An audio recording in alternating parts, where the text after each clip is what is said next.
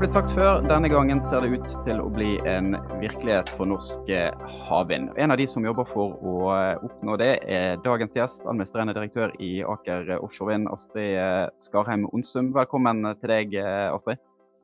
Tusen takk. Vi skal snakke mye om det som skal skje fremover, men jeg har lyst til å starte med å gå litt tilbake igjen i, i tid. Um, Aker-systemet har jobbet med, med havvind lenger enn selskapet Aker Offshore Vind har, har eksistert, men, men, det er vel samtidig rett å si at man med opprettelsen av eh, selskapet i fjor sommer giret opp eh, satsingen et, et, ekstra hakk. Um, i, i, forbindelse med en, en eh, omstrukturering i Aker-systemet så, så dukker dagens lys sammen med Aker Clean Carbon og, og flere andre selskaper har kommet til eh, siden. Så jeg har lyst til å, å spørre litt, altså hvordan har dette trekvart året vært eh, fram til, til, nå? Hva har dere jobbet med? Hva, hva, har vært viktig å få på plass i en startfase? Hvor mange er dere? Hvor, hvor kommer menneskene ifra? Er det interne som er blitt med i Aker, eller har man hentet inn folk utenfra? Ja. Martin, det har vært et uh, utrolig spennende uh, tre kvart år. Det er det ingen tvil om. Uh, og som du sier, så var vi godt i gang under etiketten til Aker Solutions. Og dette var jo et Eh, fantastisk spennende eh, eksperiment, tror jeg man kan eh, si. Det å inkubere ny industriell virksomhet innenfor en stor industriell. Det tror jeg ikke det er så mange systemer som har fått til før, men det ble gjort med havvind i Aker Solutions. Så vi startet Virksomheten går egentlig tilbake til liksom 2018, da vi begynte å investere i de første havvindprosjektene.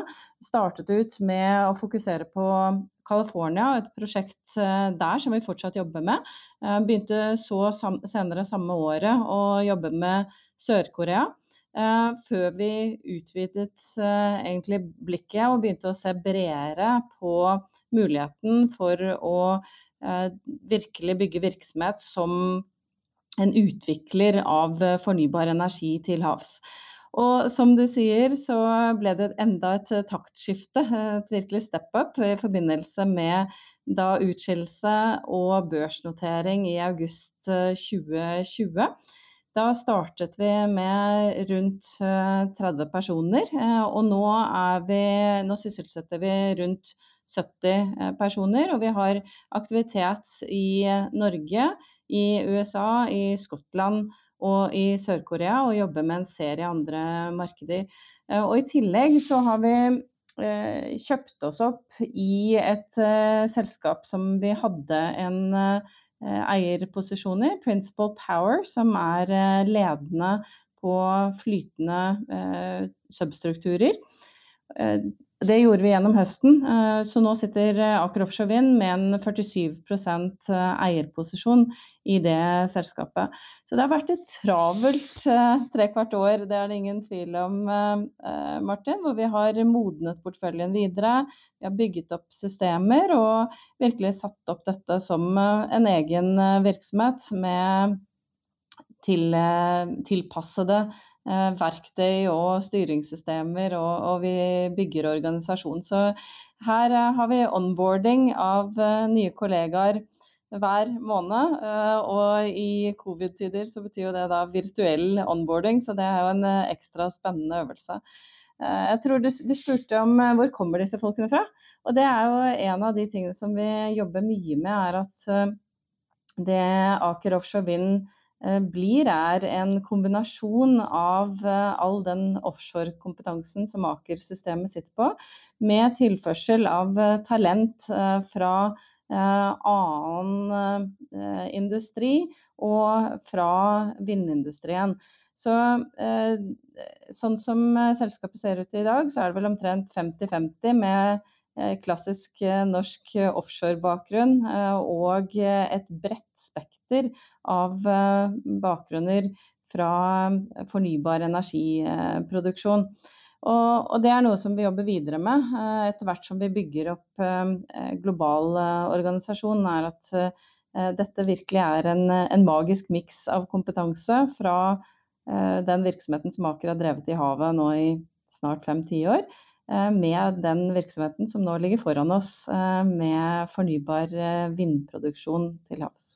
Vi skal komme tilbake til, eh, til de internasjonale prosjektene som, som du nevnte, og eh, samarbeidet med, med eierskapet i, i, Principal Power. Men jeg har lyst til å dvele litt med det som skjer på, på norsk sokkel nå innledningsvis. Som, som, mange sikkert har fått med seg, så er det utlyst eh, to områder. Utsira nord og det som heter Lie Nordsjø 2. Eh, som har litt ulike karakteristikker. Utsira nord er vel kun egnet for, for flytende havvind pga. Av, av havdybdene, mens eh, Sørlig Nordsjø er litt mer eh, blandet, i hvert fall hvis man skal, skal tro eh, regjeringen.no. Eh, er begge disse områdene interessante for, eh, for eh, dere i, i Aker Offshore Vind, eller ser man mer på det ene enn det andre?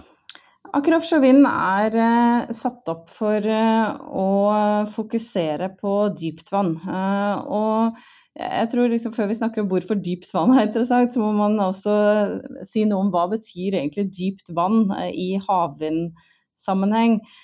Fordi i, eh, i, norsk offshore-sammenheng så betyr det noen hundre meter eller noen tusen meter. Eh, mens i havvind så har typisk eh, offshore vind vært på 5-20 meter, og 40 meter har vært dypt vann. Så når vi har sagt at vi fokuserer på dypt vann, så er det type 60 meter og dypere, hvor den enkleste teknologien ikke blir formålstjenlig eller mulig å, å bruke, og hvor vi mener at vi har eh, noe å bringe til torg som er eh, differensierende. Og så er det sånn at 80 eh, av de havarealene som er relevante for offshore vindutbygging i verden, de er på 60 meter og dypere. Så vi ser jo et enormt vekstpotensial i det dype segmentet.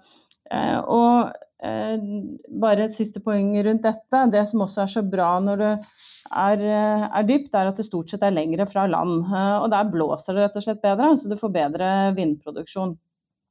Så hvis vi går med det bakteppet tilbake til Norge, så vil du se at begge disse to områdene representerer de fantastiske vindressursene som er på, på norsk sokkel. Eh, de er, eh, som du sier, det ene området er dypere enn det andre, men det blåser virkelig godt på eh, begge områdene. Og sånn sett så er begge disse interessante. De er absolutt begge dype nok til at de er innenfor Aker Offshore Wind sitt strategiske satsingsområde, selv om det er ingen tvil om at vårt hovedfokus eh, globalt er eh, på, på flytende. Så er det slik at eh, disse to områdene er ganske forskjellige. både i hvor, hvor, de ligger og i størrelsen på arealene. Så jeg vil si at Eh, vi eh, jobber med eh, prosjektkonsepter for begge områdene, og det har vi gjort i over et år. Men på ganske forskjellige måter, som er tilpasset geografien her. Og også det som kanskje er den største nøtten å knekke i Norge, er hvor skal strømmen?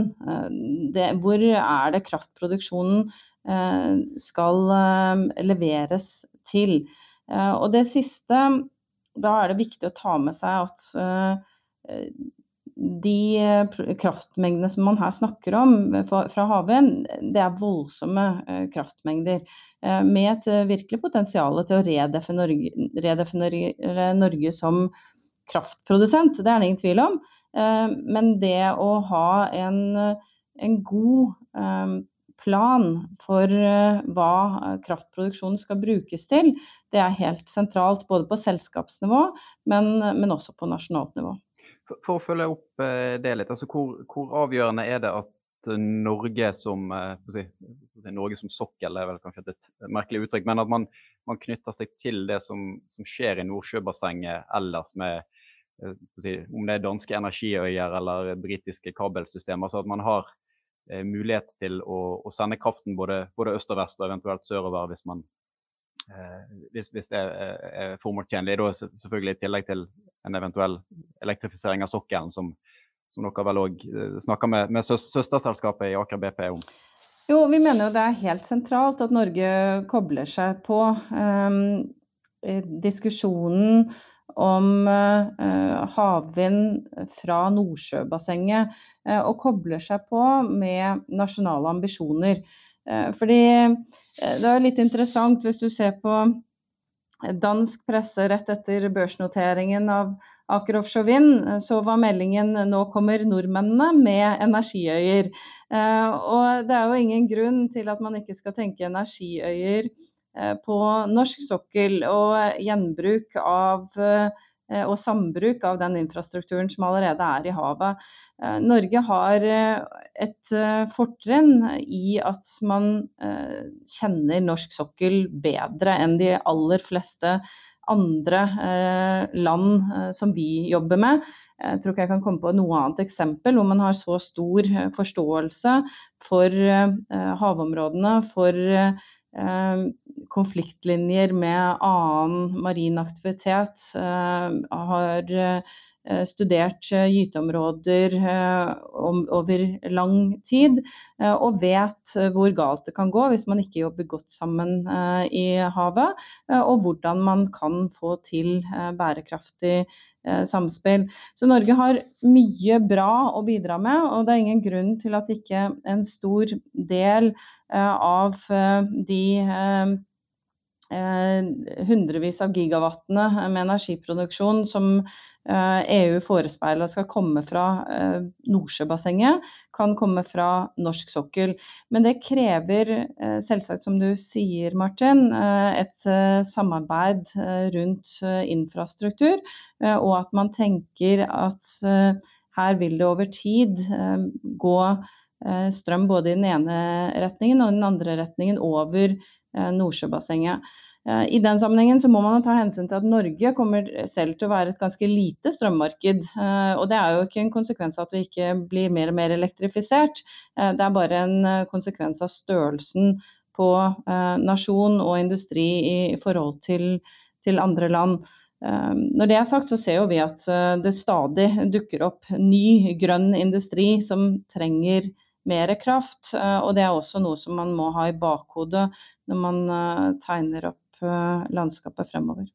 Foreløpig så vet man jo ikke så veldig mye konkret om, om selve konsesjonsprosessen i, i, Norge. Regjeringen har lovet å, å legge fram en, en, veileder som det siste jeg leste var at den eh, var nå varslet i mai at den skulle komme sammen med, med energimeldingen som, eh, som, er varslet.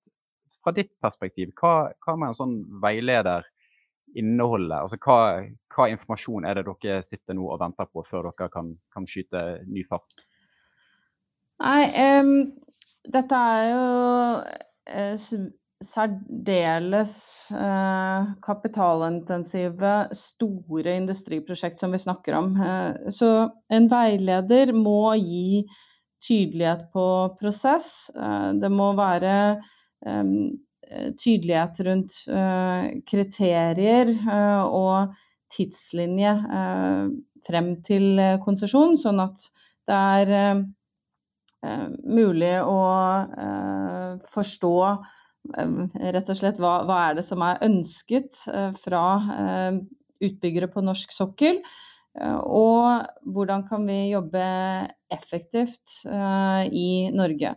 Når det er sagt, da, så forventer ikke vi at alt er på plass i første omgang, Martin. Det er det å skape ny industri, eh, det tar tid. Eh, men det er en del ting som, som eh, må på plass, og som må være tydeligere for at vi skal kunne ha for vi skal kunne vite hva det er vi søker om, og hva det er mulig å søke om, og hvordan eventuelle søknader blir vurdert. Til sammen så er det jo 4500 gigawatt kapasitet som er tilgjengelig på disse områdene. Så har du noen tanker om, om, om, hva som ville vært en, en, minimumstildeling for at det skal kunne oppnå de skalaeffektene man, man ønsker eh, ved utbyggingen? Ja, dette er et litt sånn høna og egget-type spørsmål. Uh, fordi det er jo som du sier, uh, Martin, at det krever betydelig skala for å kunne drive ned kostnader. Og det gjelder på generell basis. Utviklingen av havvind og bunnfast havvind med type monopeler har fulgt en sånn klassisk S-kurve som egentlig all masseproduksjon følger. Men du treffer ikke det knekkpunktet før du har betydelig skala på hver park, og før du faktisk har en pipeline av parker som bruker den samme leverandørindustrien. Og det siste er ganske viktig, fordi før du får det knekkpunktet, så må du egentlig ha fått en slags samlebåndsproduksjon både på land og til havs. Og du må ha en skala i innkjøpene som gjør at leverandørene kan ta ned risiko og dermed redusere priser. Så når du ser på det andre land legger frem av gigawattmål, så er det vel ingen tvil om at Norges mål, hvis vi skal lese 4,5 gigawatt som et mål, at det fortsatt er i en en nedre grense i forhold til andre land. At dette er ikke et veldig stort tall i forhold til der hvor andre land legger seg for oss å både omstille sitt energisystem, men også drive frem industriutvikling. Så da detter du veldig raskt inn i hva er forventningene til industriutvikling. Og i motsetning til de fleste andre land som har mulighet til å utvikle havvind, så er ikke Norges primære mål å dekarbonisere energisystemet nasjonalt. Det norske energisystemet er jo i stor grad dekarbonisert allerede, mens derimot omstilling av industrien er en viktig og interessant parameter. Og det betyr jo at diskusjonen om virkemidler kommer veldig fort når du snakker om skala. Fordi klassiske demonstrasjonsprosjekt og prekommersielle prosjekt som er liksom i størrelsesorden 5 til 50, kanskje opp mot 100 megawatt, er ofte tungt offentlig subsidiert som R&D-prosjekter. Hvis man ikke klarer å komme seg opp i en pipeline av 500 megawatts prosjekter, så begynner det å bli krevende å tenke storskala. Og jo mindre støtte du har, jo mer skala vil du trenge. Så vi ser jo at det globalt jobbes med, og du behøver ikke gå lenger enn over til Skottland, hvor man snakker om veldig mye mer gigawatt på forskjellige arealer for å få nok skalaeffekt. Så dette tror jeg er en av de tingene som er viktig å tenke gjennom når norske myndigheter legger sin tildelingsstrategi.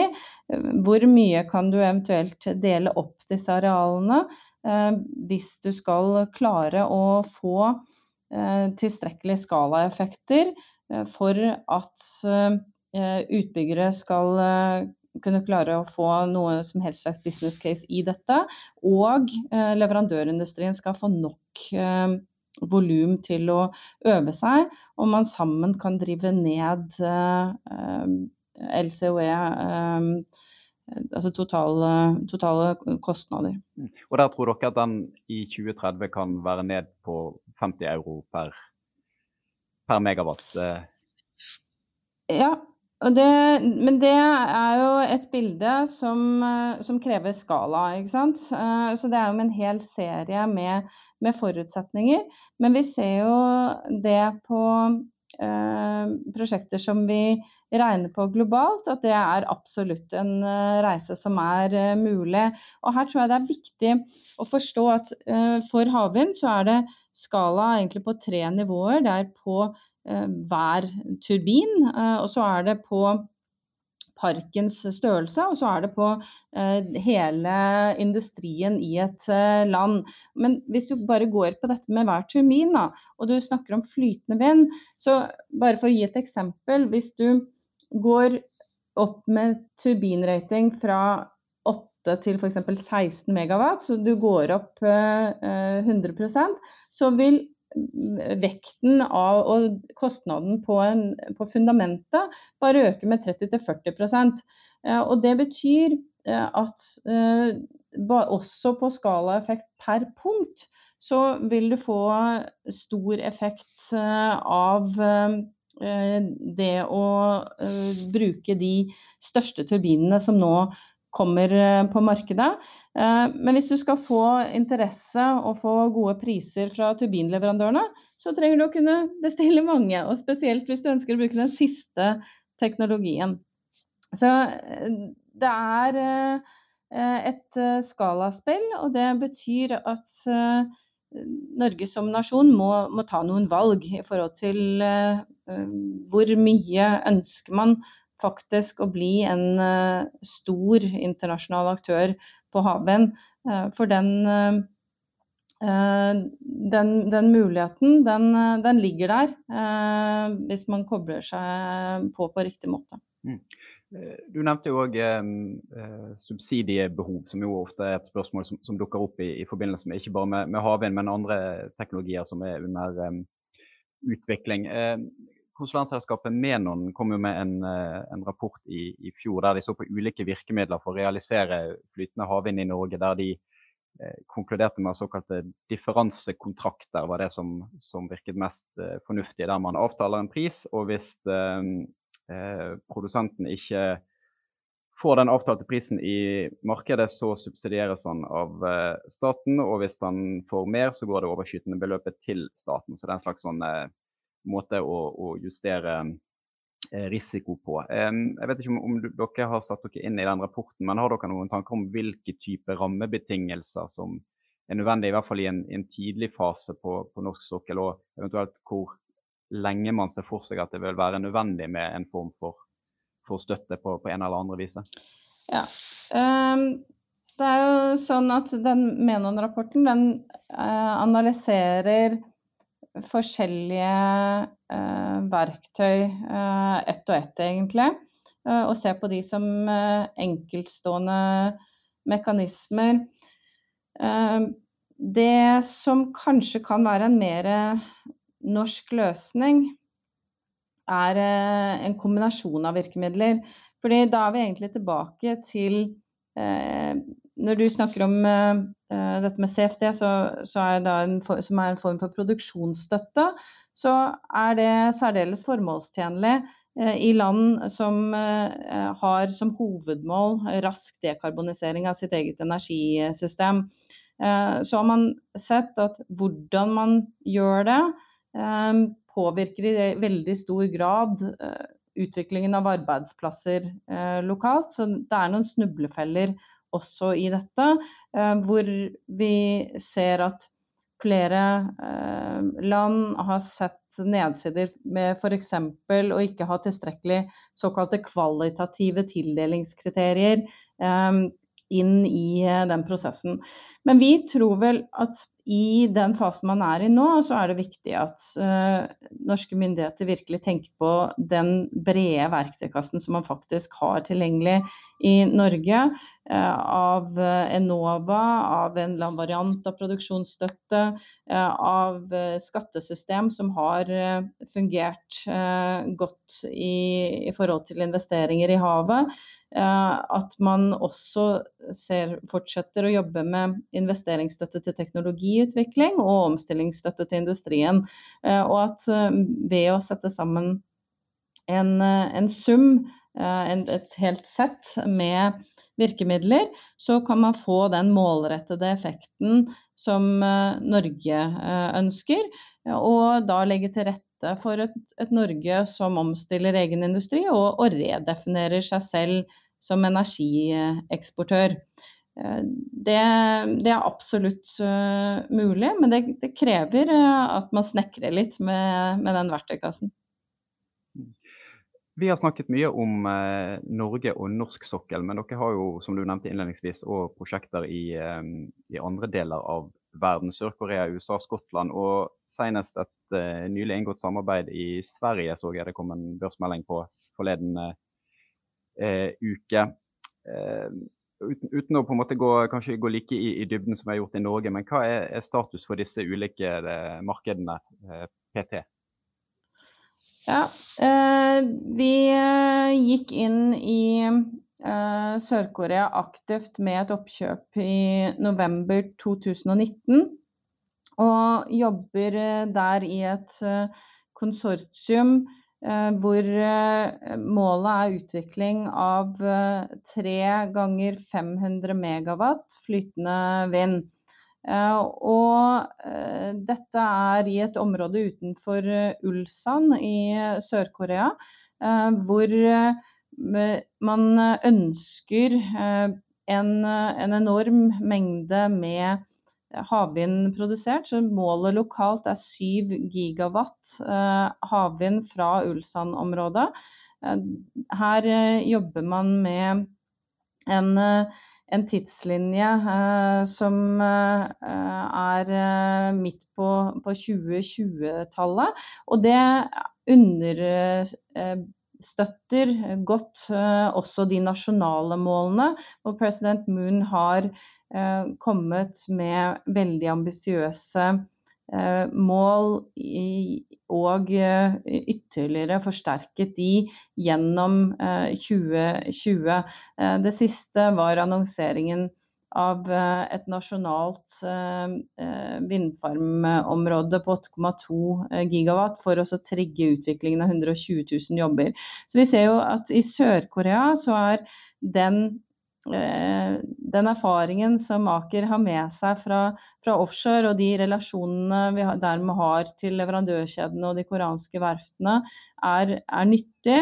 Eh, men det er Eh, virkelig vår evne til å jobbe godt sammen med lokale aktører eh, og understøtte disse ambisiøse nasjonale målene, som gjør at dette her drar seg fremover.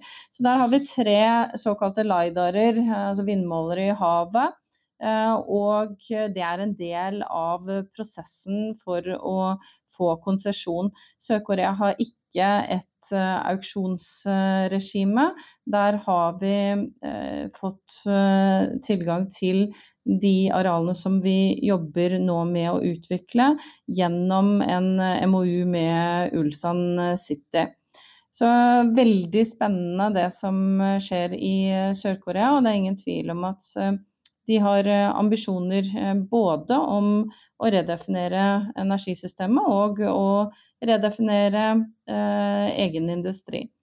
Og så ser vi i USA hvor eh, det har blitt eh, satt i gang mye positivt eh, de siste eh, tre, fire, fem årene.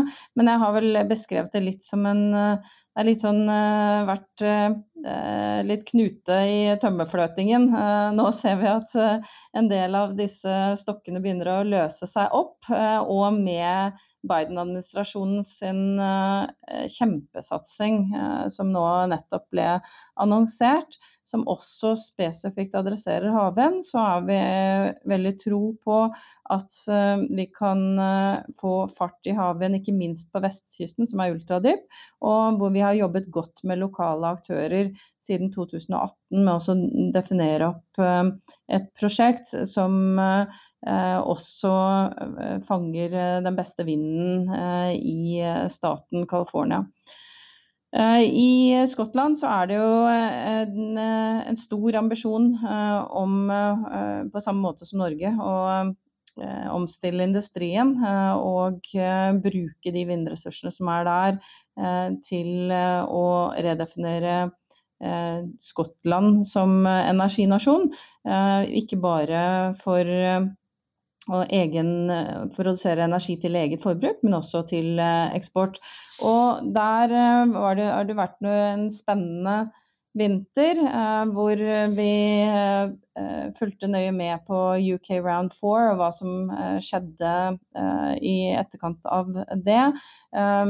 registrerte med glede at Scottish Crown Estate har beholdt sin kvalitative innfallsvinkel for oss å vurdere søkere.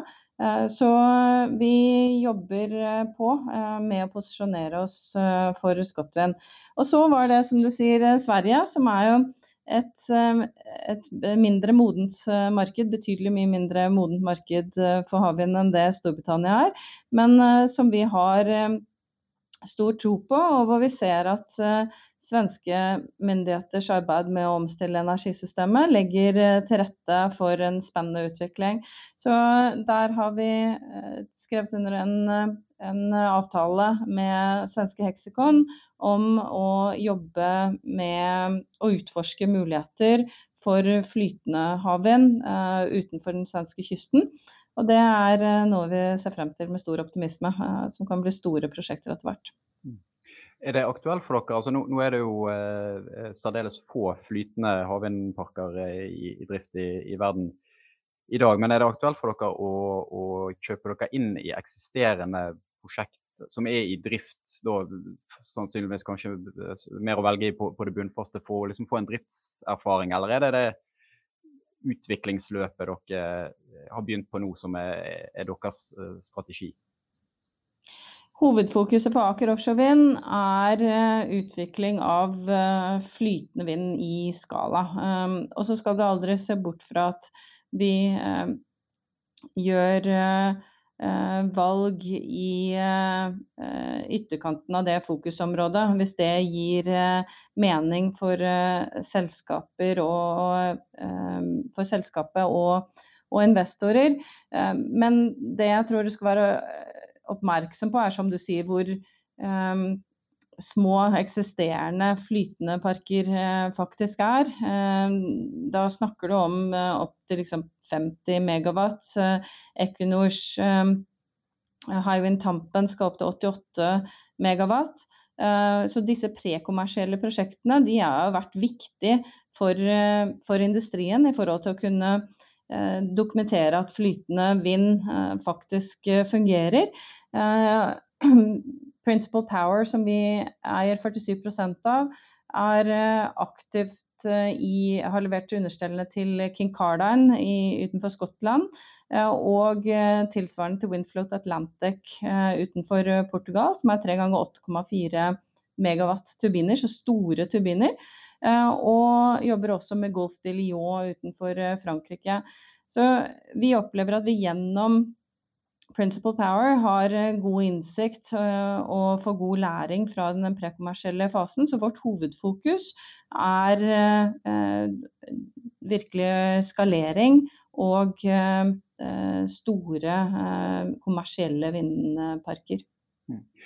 Tiden løper fort. Det er mye annet vi kunne ha, ha kommet innom synergier mellom havvind og andre næringer f.eks. Men jeg har lyst til å, å spørre deg Astrid, avslutningsvis. Hvis man kaster blikket litt inn i krystallkulen og skriver eh, 2030-2035, altså hvor, er, hvor skal eh, Aker Offshore Vind være da? Altså hva i form av ambisjoner og, og oppnådde resultater som skal til for å si at man har, har lykkes så langt?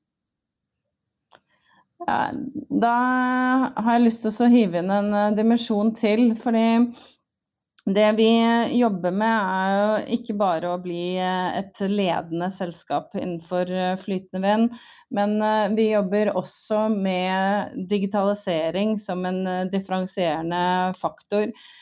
Så om ti år så vil jeg virkelig håpe at man ser til Aker Offshore Vind for å se prosjekter som utføres Eh, med lavere LCOE på kortere tid eh, i eh, bedre samspill med marine aktører enn andre, og at det også skyldes måten vi jobber med data og dataflyt på. For dette bruker vi faktisk veldig mye energi på.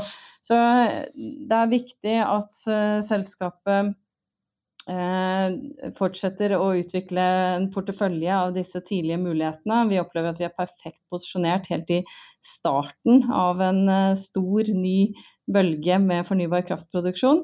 Og selvsagt så vil vi gjøre alt vi kan for å optimalisere verdi på den porteføljen.